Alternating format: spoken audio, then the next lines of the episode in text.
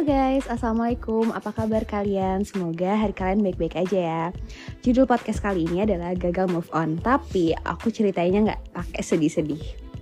Nah, gagal move on ini kan udah biasa ya pastinya ya. Dan gak apa-apa banget kalau misalkan kalian belum move on Tapi bukan akhir segalanya dan bukan jadi itu kegagalan bagi kalian. Gamon itu kan perspektif orang ya. Emang cuma karena kata-kata dari orang lain yang ngatain kalian Allah udah udah tahun segini lo masih belum move on juga. Ya biarin aja karena yang tahu cerita itu tuh adalah kalian sendiri. Ada beberapa keadaan ada beberapa space di ruang tertentu di hati kalian yang mungkin gak bisa tergantikan oleh siapa pun.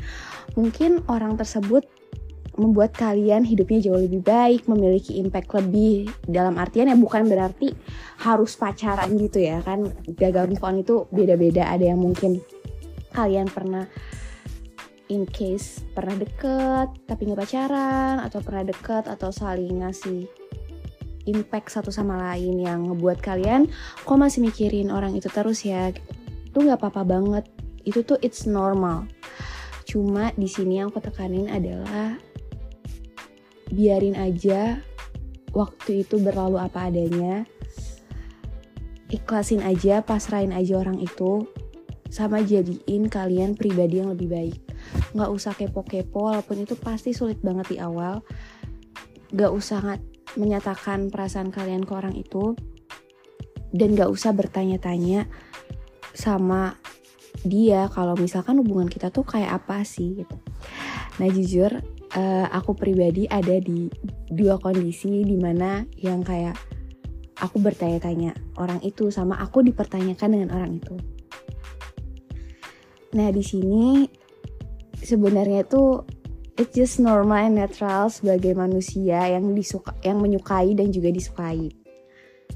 Cuma prinsipnya dan hakikatnya ketika kalian berniat baik ke orang lain, kalian harus tahu dulu target kalian gimana. Apakah gampang baper, terus cewek atau cowok nih, karena kecil kemungkinan kalau misalkan kalian baik ke lawan jenis, itu sesuai sama apa yang kalian pikirin. Misalkan kalian mikirin wah ini pasti nggak berperan nih karena niat gue kan cuma baik aja kan gitu. Siapa tahu bisa jadi pahala bagi gue siapa tahu bisa mengubah hidup kalian eh mengubah hidup orang itu jadi lebih baik. Nggak usah karena yang mengubah hidup itu tuh bukan sepenuhnya tugas lo tapi mungkin tugas diri dirinya sendiri. Dia masih punya orang tua dan lain sebagainya yang bisa mengubah hidupnya.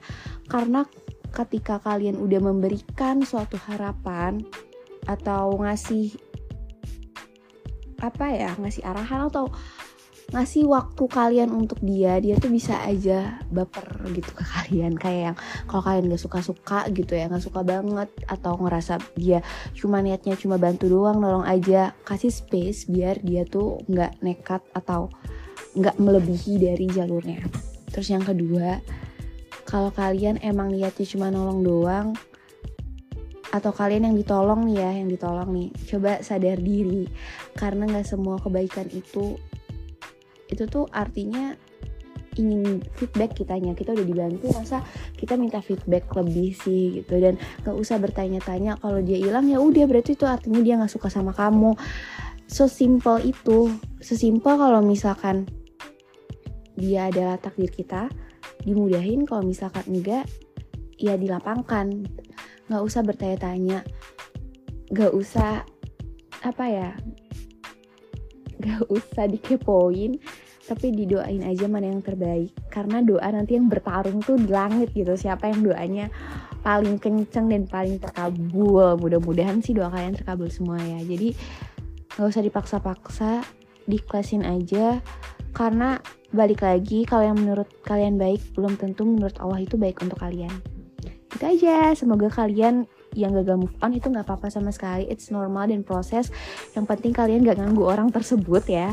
Dan kalian pasrahin dan ikhlaskan dan lapangkan dan berdoa semoga kalian dipantaskan untuk seseorang di luar sana yang lebih baik dari orang yang kalian suka. Gitu guys dari aku. Thank you yang udah dengerin. Bye bye